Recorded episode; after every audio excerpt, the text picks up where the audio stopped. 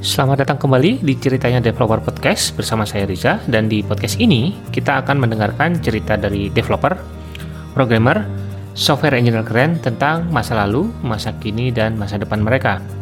Tentang bagaimana mereka memulai karir sebagai developer dan juga kita akan mengorek-ngorek cerita tentang komputer pertama mereka, pengalaman coding pertama hingga pekerjaan pertama mereka sebagai developer.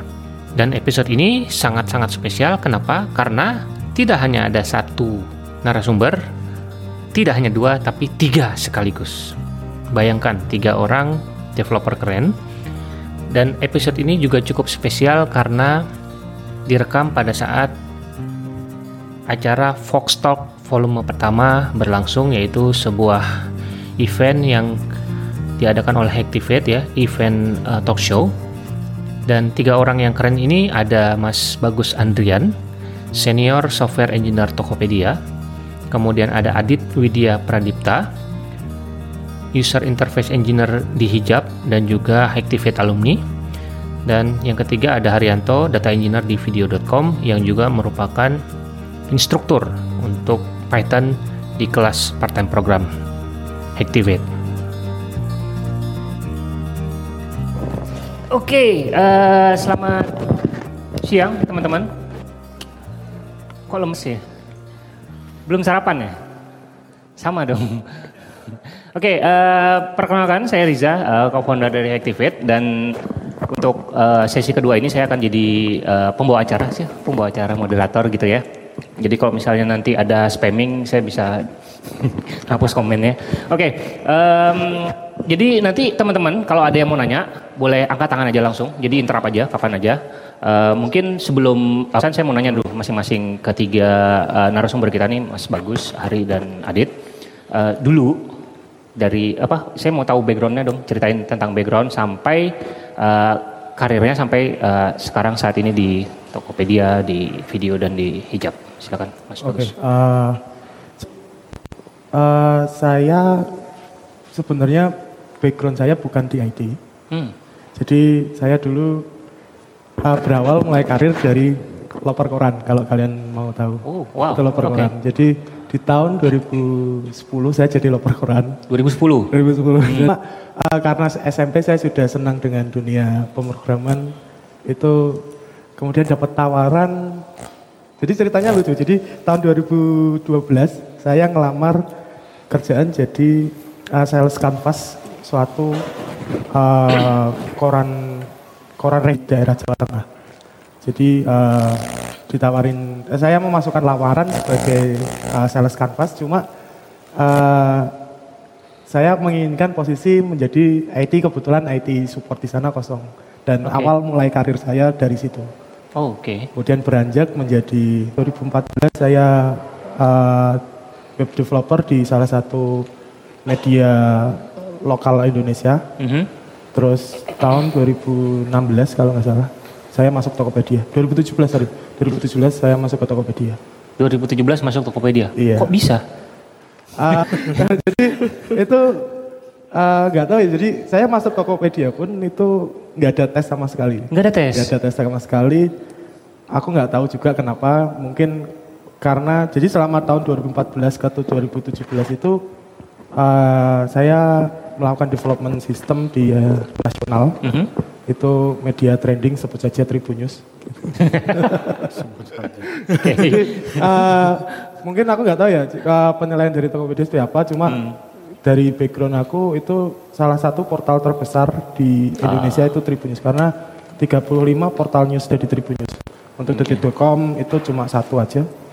Dia induknya cuma kalau Tribunnews itu ada 35 classified eh 35 regional content dan 4 uh, classified content. Oke. Okay. Jadi belajar programmingnya itu otodidak artinya? Autodidak. Autodidak. Jadi kuliah pun saya telat sebenarnya kalau kuliah sebenarnya. Hmm. Jadi uh, kuliah itu dia namanya Indonesia ya. Jadi kita perlu S1.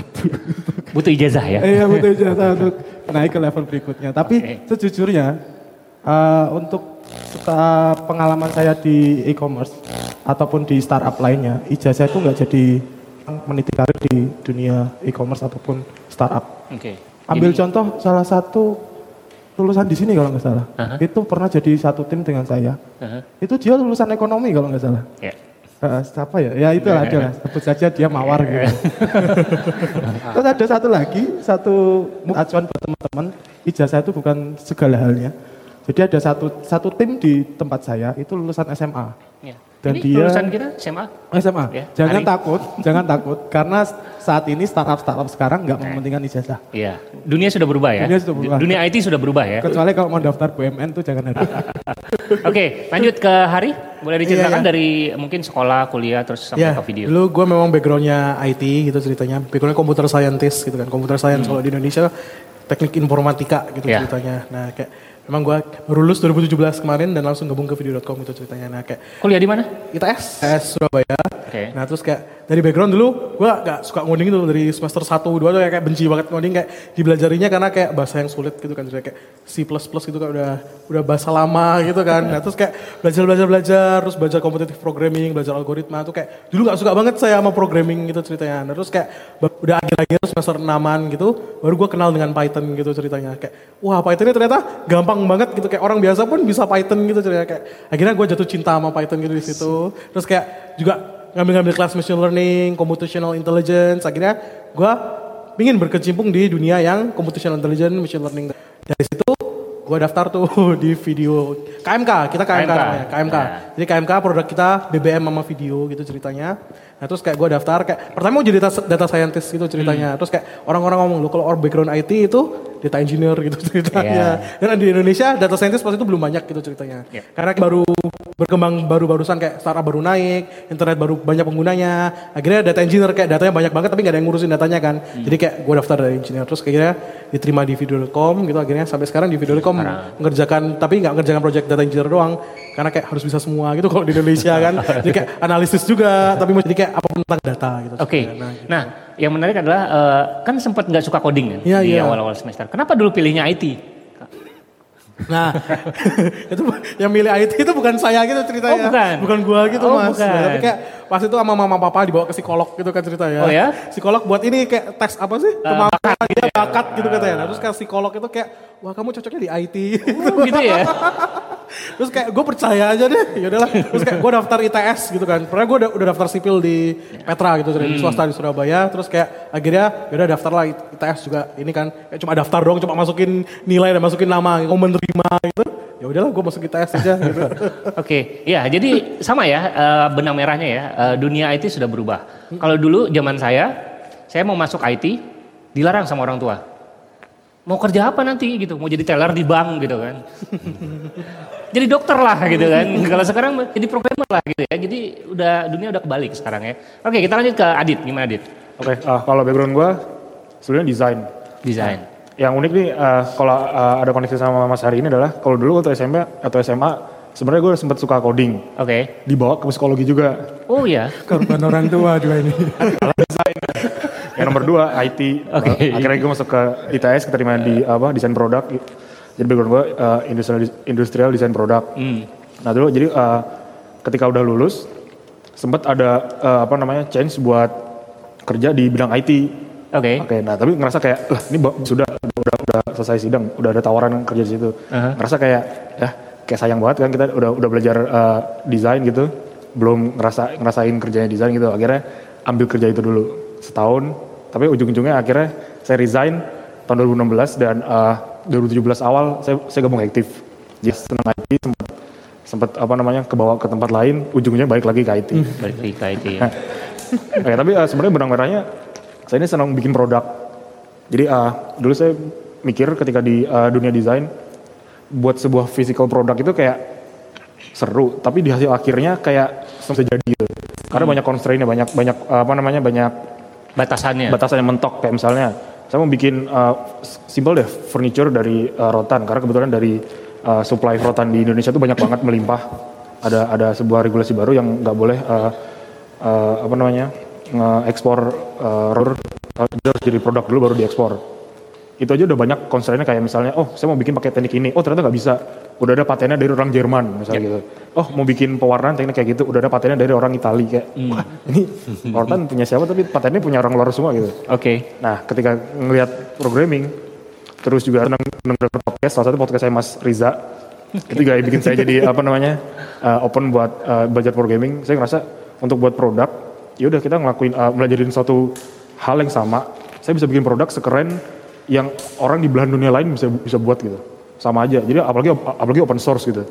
Uh, apa namanya banyak paten atau mentok sana sini saya mau bikin produk yang misalnya saya mau bikin media sosial baru, ya saya bikin media sosial baru aja gitu. Saya nggak perlu takut Facebook bakal menuntut saya gara-gara, oh nggak bisa nggak boleh nih. Fitur komen tuh udah punya Facebook gitu, atau atau semacamnya itu.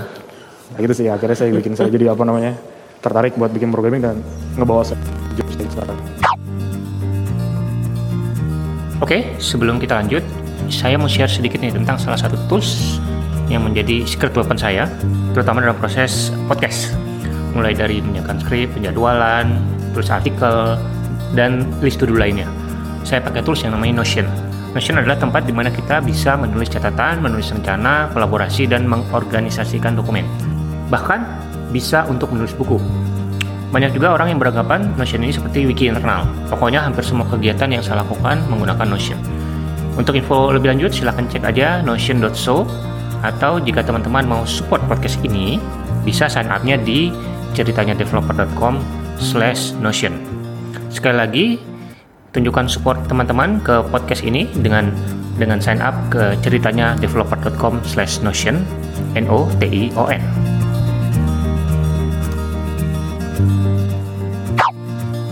Oke, jadi sebelum bahkan sebelum uh, kerja pun udah belajar programming kan? Iya sebenarnya ya udah udah suka IT gitu. Udah suka IT, tapi udah belajar programming belum waktu itu? Dulu belajar belajar ya, tapi saya kayak belajarnya terlalu jauh gitu. Oke. Okay. Belajarnya tuh C dulu. Oke. Okay. SMA belajar C, jadi kayak. Hmm. uh, yang mau saya tanyakan adalah uh, apa sih yang membedakan antara katakanlah belajar sendiri atau belajar dari buku otodidak sama yang uh, Adit dapat pada saat uh, ikutan kelas immersive activate? Yang bikin beda adalah uh, kalau misalnya nggak ini tergantung orangnya sih ya. Mungkin ya. ada orang yang ya. kayak Mas Bagus kayak ya udah gitu. Belajar sendiri aja udah. Ya sendiri bisa. kayak tapi kayak saya ini banyak pertanyaan gitu. Jadi kayak hmm. banyak pertanyaan tapi nggak tahu keywordnya apa. Jadi okay. kayak bener-bener unknown unknown banget lah kan. Uh. Nah masuk aktif itu lebih kayak uh, pertanyaannya mungkin saya nggak akan tanya gitu. Tapi aktif udah kayak nyediain saya butuhin dan bahkan saya nggak tahu oh ternyata ada ya jawaban yang yang gak kepikiran saya tanya hmm. udah, udah di sini aktif gitu. Jadi jadi lebih terstruktur gitu. Terstruktur ya, ada jalurnya gitu ya. ya. Jadi ada ya. uh, path untuk uh, ininya ya, belajarnya.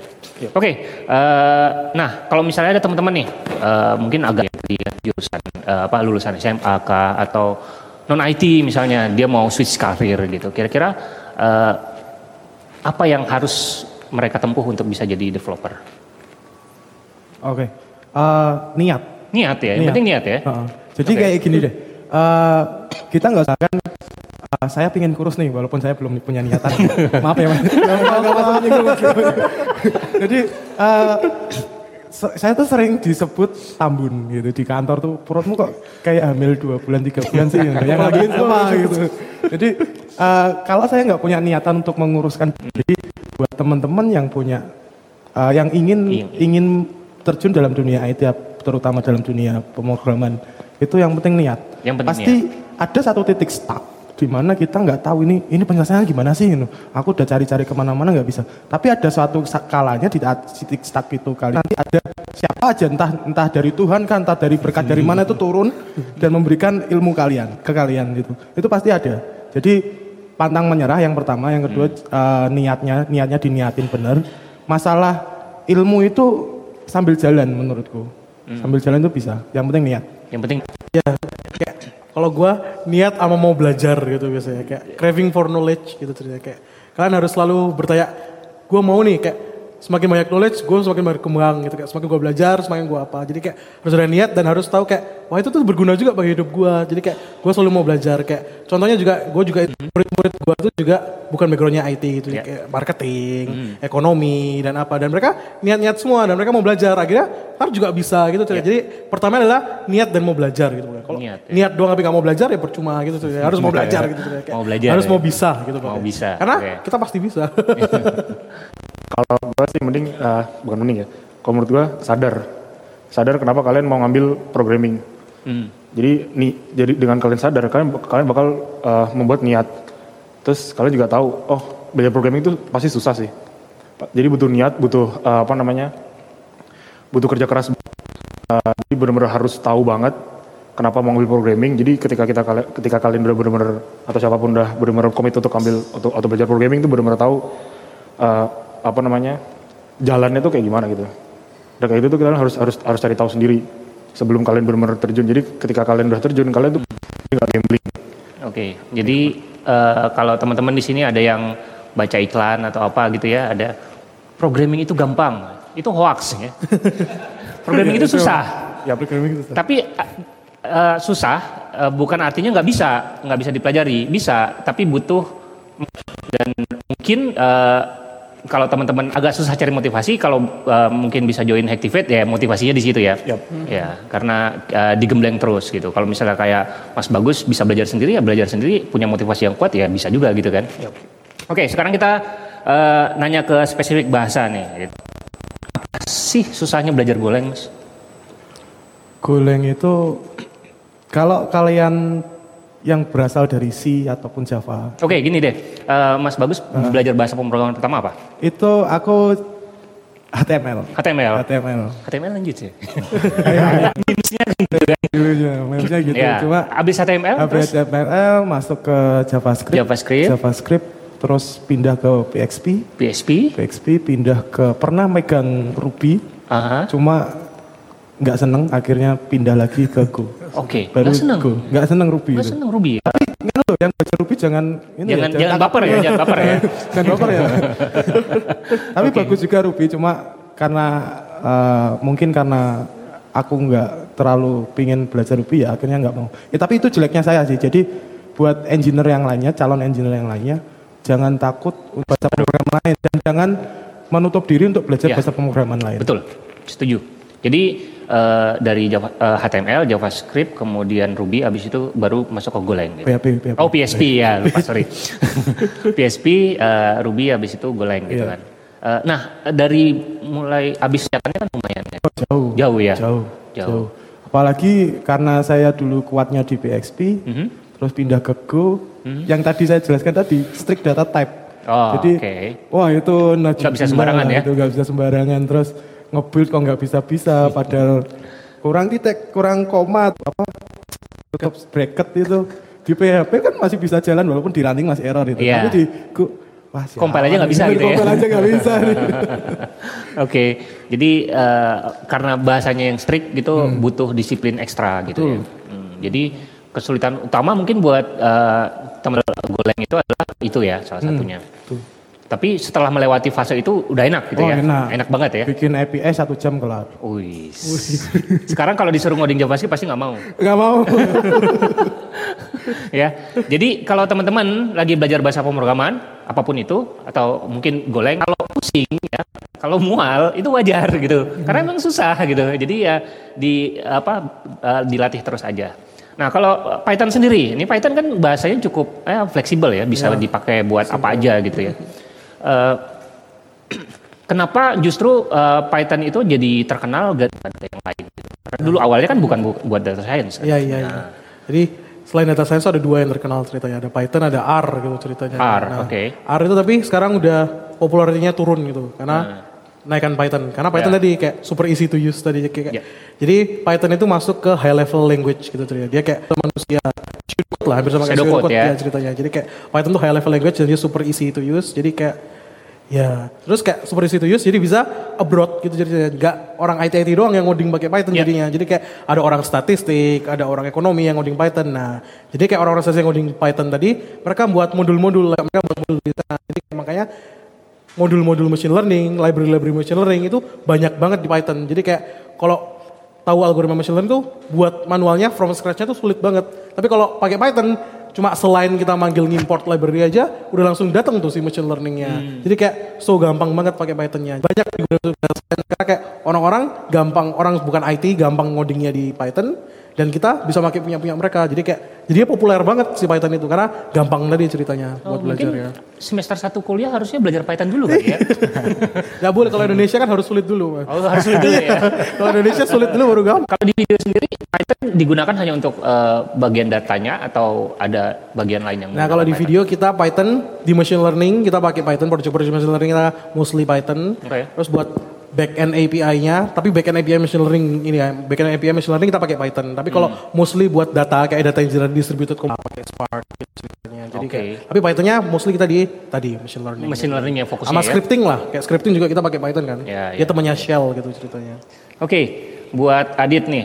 Eh, kan Adit selama di Hactivate kan belajar backend, front end, eh, DevOps sedikit gitu kan. Iya. Eh, kira-kira di orang backend misalnya gitu, eh, pengen belajar front end, eh, ada apa ya? Ada tipsnya nggak sih supaya cepat belajarnya gitu? Oke, kalau tips ya. Belum pernah sih jadi orang backend yang belajar Belum front pernah end. Oke. Tapi uh, intinya kalau belajar front end tuh intinya apa ya? Bikin kita bikin kalian itu membuat produk ya. Selama ini mungkin kalau bisa jadi backend kan ya udah kalian membuat sebuah service Uh, mungkin uh, mindsetnya adalah gimana cara buat yang cepat secepat mungkin servisnya jadi kayak kayak Mas Bagus tadi kan yang penting gimana paling cepat lah. Uh, kalau misalnya front end itu karena itu irisannya udah masuk ke dalam client side manusia kan jadi kalian, kalian harus senang banget untuk membuat produk yang uh, secara UX sangat apa ya sangat sangat menyenangkan untuk dipakai sama orang. Itu aja sih. Jadi ketika udah uh, mindset utamanya atau basicnya adalah itu kalian tinggal milih gimana cara kalian untuk mau belajar dengan cara misalnya belajar JavaScript-nya JavaScript murni atau misalnya JavaScript uh, uh, belajar framework kayak uh, React gitu itu ting- tinggal pilihan aja tapi basicnya harus uh, mau dan apa namanya berusaha buat bikin sebuah produk yang uh, apa namanya easy fun to use uh, Jadi kalau kita mau bikin produk ya mau nggak mau harus bersentuhan dengan front end juga gitu. Iya. Oke, mungkin teman-teman di sini ada yang mau nanya? Wah banyak, mantap. Boleh duluan yang baju putih?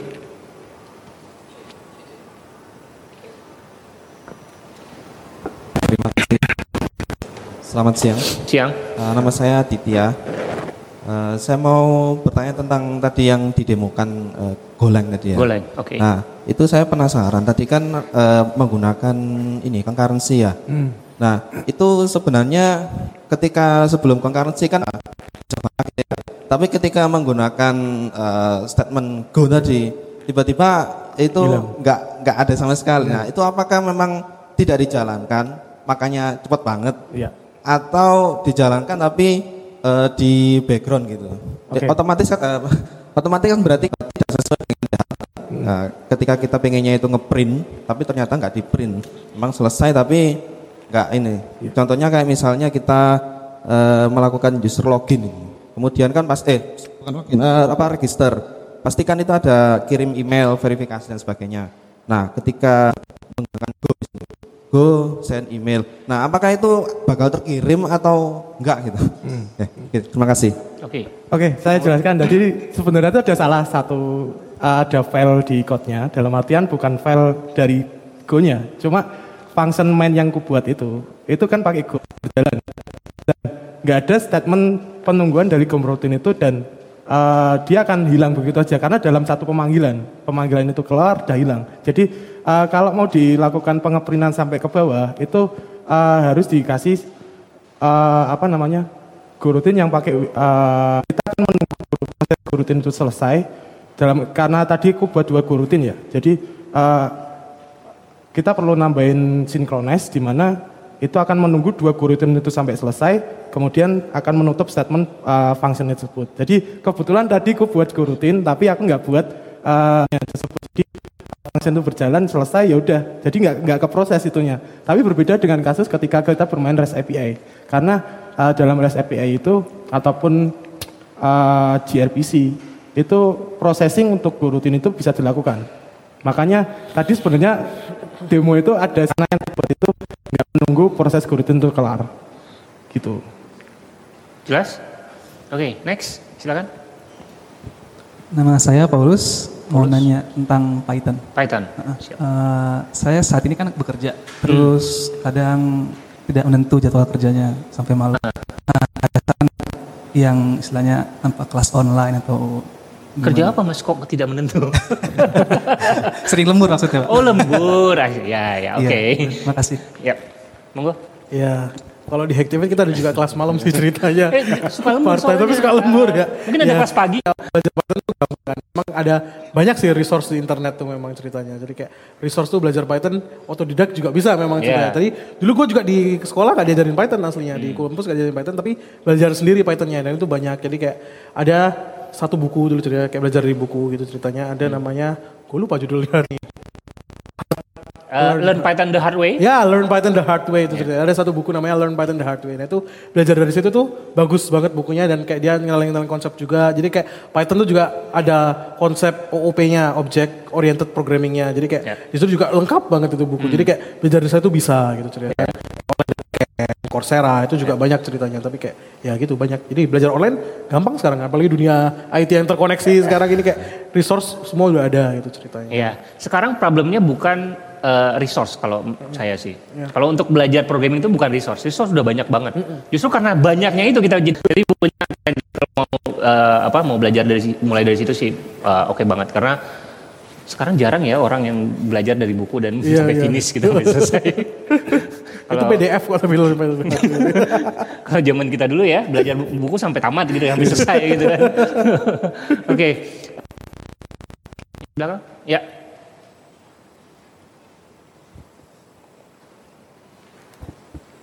Ya, terima kasih. Eh, nama saya Hen. Saya mau tanya soal front end developer. Eh, untuk jadi front end developer itu kita wajib punya sense yang bagus ke desain produk apa enggak sih? Soalnya yang saya UI sendiri terus punya front end developer sendiri. Nah itu apa kita wajib punya sense yang bagus juga ke desain kalau misalnya kita mau terjun ke sana? Oke. Oke. Ah, kalau eh, soal itu sih, iya. Menurut saya iya. Apalagi buat mem- mempersiapkan eh, karir di masa depan ya. Karena gini, ah, menurut saya ketika kita bekerja dengan eh, orang dengan apa ya topi yang lain, misalnya kayak dengan mindset yang lain kan, itu orang UX dan desain. Belum lagi yang se- apa namanya eh, ada lagi kayak bisnis bla. Tapi yang benar-benar dekat kan orang desain, karena kita bakal mem- membuat desainnya. Nah, biasanya eh, orang desain UX gitu-gitu banyak yang desainnya dia ada lubang di antara eh, ketika kita sedang mentranslate apa yang mereka buat ke teknikalnya. Contoh misalnya di UX ketika dia membuat UI dia nggak nggak akan eh, apa namanya ada soal eh, membuat desain yang eh, apa namanya hal kecil yang bisa jadi keributan terus itu. Maksudnya dia bikin seenaknya nempatin di sini, nempatin di sana, di sini. Nah, kita sebagai front end daripada nunggu mereka buat belajar front end, kita belajar desain. Karena kalau misalnya orang desain belajar, belajar dari front end belajar desain butuh teori aja cukup. Jadi kita yang penting bisa um, adu argumen uh, yang sesuai dengan isi-isi kepala mereka gitu. Jadi uh, jadi emang ada tuntutan orang front end uh, untuk segera bisa jangan terlalu tergantung desain buat sesuai dengan kita, jadi kita nyes- menyesuaikan dia gitu. Jadi kita emang harus lebih versatile ke depannya. Dan itu emang nggak nggak nggak butuh banyak effort ketimbang harus dari sisi lain ke kita. Itu sih kayaknya. Boleh nambahin. Boleh silakan. Jadi eh, sense of design itu nggak hanya jadi eh, saya di tempat kerja yang sekarang itu misalkan saya dikasih desain desain template kemudian diajak meeting itu ambil contoh gini eh, bikin pop up tapi button close-nya ada di bawah Oke. Iya kan aneh kan Berarti kemudian aku nggak punya sense of design atau sense of, of eh, ya tampilan itu. Masa ya mau tak lolosin gitu? Terima-terima aja terima gitu jadi ya. aja gitu. Terima jadi nggak cuma hanya dari sisi front end ataupun product design UI UX dari sisi back end juga atau software engineer juga kita udah global tapi nggak perlu detail tapi secara global kita tahu ternyata button button silang itu close itu selalu berada di atas. Atas kanan atau atas kiri gitu. Mana ada button close di bawah gitu. Ya. ya seperti itu sih. Iya. Jadi sebenarnya lebih kembali ke apa eh, rasa gunakan topi topi eh, hijab eh pakai hijab nggak? Enggak. Tapi ketika kita istilahnya tadi topi yang berbeda gitu, kita walaupun eh, Mas Bagus ini backend gitu kan, tapi ketika diajak meeting pasti pakai topi user kan. Kalau saya user masa tombol close di bawah kan kayak kayak nggak make sense kan, gitu kan. Eh, pertanyaan selanjutnya nih. Kalau di eh, Tokopedia sendiri, seberapa banyak sih Golang sekarang apa udah semuanya Golang atau ada bahasa lain? Jadi untuk backendnya sudah hampir 90% itu Go. 90% Go. 90% Go, sisanya masih Perl. Perl. Perl itu dalam hilang. Sudah waktunya pensiun gitu. Oke. Terus uh, untuk front end-nya kita uh, ada satu framework yang dibuat oleh Tokopedia, kalian bisa pakai itu free. Uh, Treat itu framework dari React, React Native atau React JS aku lupa. React JS. Ah. React JS. Itu Treat, ya. dari Tokopedia. Itu bisa kalian pakai, itu pemakaiannya gampang banget. Kalau pernah pakai React, React JS. Terus uh, untuk backend-nya lagi ada sebagian pakai Pakai GraphQL kalau nggak salah ada. GraphQL. GraphQL, GraphQL itu untuk get datanya, Get datanya. processing data, nampilin datanya. GraphQL, Lotes, pakai Python. Pakai Python. Nah, untuk Python, untuk Lotes. Untuk apa? Lot- Lotes, Oh. Script. Jadi uh, ketika kita buat suatu API ataupun uh, suatu landing page, Hmm. itu pasti ada ada proses load test dan automation. Tentukan suatu endpoint itu dihit oleh banyak user. Hmm. Itu selalu dilakukan seperti itu. Jadi buat kalian yang membuat API jangan harap uh, API kalian bagus kalau belum kalian lakukan load test. Ya. Gitu. Oke. Eh, Oke. Nah, kalau untuk eh, di ini kasih ini dong eh, wejangan gitu. Pesan-pesan kira-kira kalau teman-teman mau belajar programming, baik itu backend atau data dan juga front end, eh, kasih tips lah gitu buat mereka. Boleh, Adit dulu. Ah, kalau menurut saya sih inisiatif, Inisiatif. inisiatif. Jadi kayak ngejawab pertanyaannya, tapi terus sampai dapat. Walaupun ternyata misalnya kalau saya ternyata dapatnya ketika diaktif, mungkin kalian ya bisa di tempat lain gitu. Jadi benar-benar inisiatif sih sampai pokoknya ngerasa semua pertanyaan yang ada di uh, pikiran kalian tuh benar-benar terjawab kayak gitu. Oke. Kalau gue kayak orang-orang pertama tuh benci itu loh kayak, aduh gue udah males nih belajar ini gitu. Jadi jangan pikiran gitu dulu, tapi kayak kenalin dulu, ntar kalian akan cinta gitu ceritanya. Jadi kayak kenalin dulu, ntar kalian akan sering berkembangnya waktu, terus kalian akan cinta, terus kayak craving for knowledge tadi. Jadi kayak Craving. gue harus selalu belajar, belajar, belajar gitu ceritanya. Keinginan untuk belajar itu. Oke, Mas Bagus. Kalau saya ada tiga moto, eh bukan tiga moto, tiga kata. Tiga, tiga kata. Oke. ATM, ATM. amati, terapi, modifikasi. Wis. Jadi dalam artian gini, ketika kalian menemukan suatu masalah, kemudian kalian bisa solve masalah itu, itu, tapi kalian modifikasi codingannya. Misalkan aku stuck waktu upload file ini, habis itu aku bisa, oh bisa nih, udah udah selesai istirahat, jangan itu. Tapi lakukan ulangi lagi dengan berbagai macam variabel, kalian ubah, lakukan modifikasi di situ, masih work nggak untuk code yang kalian buat? Saya pakai terapi dan modifikasi.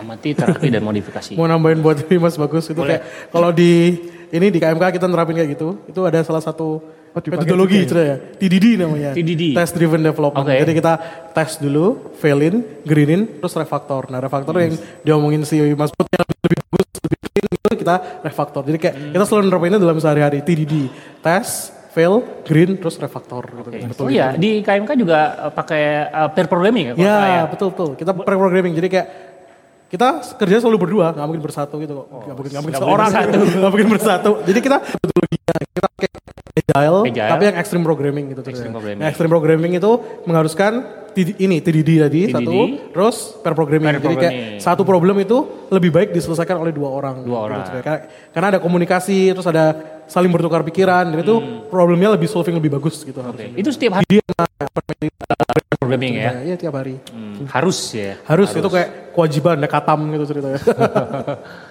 Eh, sejauh ini perbedaan antara ya kan pernah udah pernah merasakan pair programming terus ngo- eh, sama programming sendiri bedanya apa sih? oh, kalau bedanya enak pair programming jalan. Kalau misal kita bingung nih, aduh nih gimana nih, terus kayak misalnya tiba-tiba error gitu. Teman sebelah tuh kayak bisa bantu pasti. Jadi kayak kita saling bertukar pikiran, kayak kita kalau sendirian kan udah kayak aduh udah males gitu kan. Nah, tapi kalau ada teman gitu kayak wah kita bisa nih bersama gitu kayak kita selalu mencari jalan bareng gitu. Jadi kayak lebih baik berdua daripada sendiri gitu. Berhubung waktunya sudah habis ya eh, boleh minta applause buat narasumber kita hari ini. Terima kasih buat eh, bagus buat Hari dan juga buat Adit. Eh, jadi itu saja episode ceritain developer podcast kita kali ini. Nantikan episode-episode ceritanya developer podcast selanjutnya ya. Catatan dan link penting yang disebutkan oleh narasumber bisa dicek di web ceritanyadeveloper.com. Kritik, saran, atau sekedar hai, silakan email ke rizapami@gmail.com atau mention ke rizapami22 di Twitter. Sertakan juga hashtag ceritanya developer. Dan buat teman-teman yang mau support podcast ini agar terus ada, bisa dengan cara subscribe ke iTunes, search aja ceritanya developer podcast. Terus langsung subscribe dan kasih rating serta komentar. Boleh komentar yang bagus atau komentar yang mengkritik juga silahkan. Nah, tapi kenapa iTunes? Karena untuk saat ini tolok ukur kesuksesan sebuah podcast ada di iTunes. Jadi iTunes adalah media pertama yang percaya dengan format podcast. Jadi, semakin banyak subscriber di iTunes, artinya semakin mudah juga teman-teman lain untuk menemukan podcast ini. Jadi kita dengerinnya bisa bareng-bareng rame-rame gitu kan. Dan buat teman-teman yang bukan pengguna iTunes gak apa-apa, bisa juga subscribe di podcast klien pilihan seperti Pocket Cast, Anchor FM, Spotify, dan masih banyak yang lainnya. Tinggalkan juga komentar atau review di sana. Subscribe ke newsletter Ceritanya Developer Podcast untuk mendapatkan informasi terbaru seputar podcast ini di ceritanya-developer.com/newsletter. Selain support dalam bentuk rating, saya juga mengharapkan teman-teman untuk support podcast ini dalam bentuk lain. Ada beberapa cara. Pertama, buat yang mau menggunakan tools keren seperti Notion, bisa sign up di ceritanyadeveloper.com slash Notion, N-O-T-I-O-N. Kedua, teman-teman juga bisa mendonasikan sebagian uangnya untuk keperluan podcast ini melalui GoPay, PayPal, atau juga Patreon. Info lebih lanjut silakan ke ceritanya developer.com slash donasi. Sampai bertemu di episode berikutnya. Bye.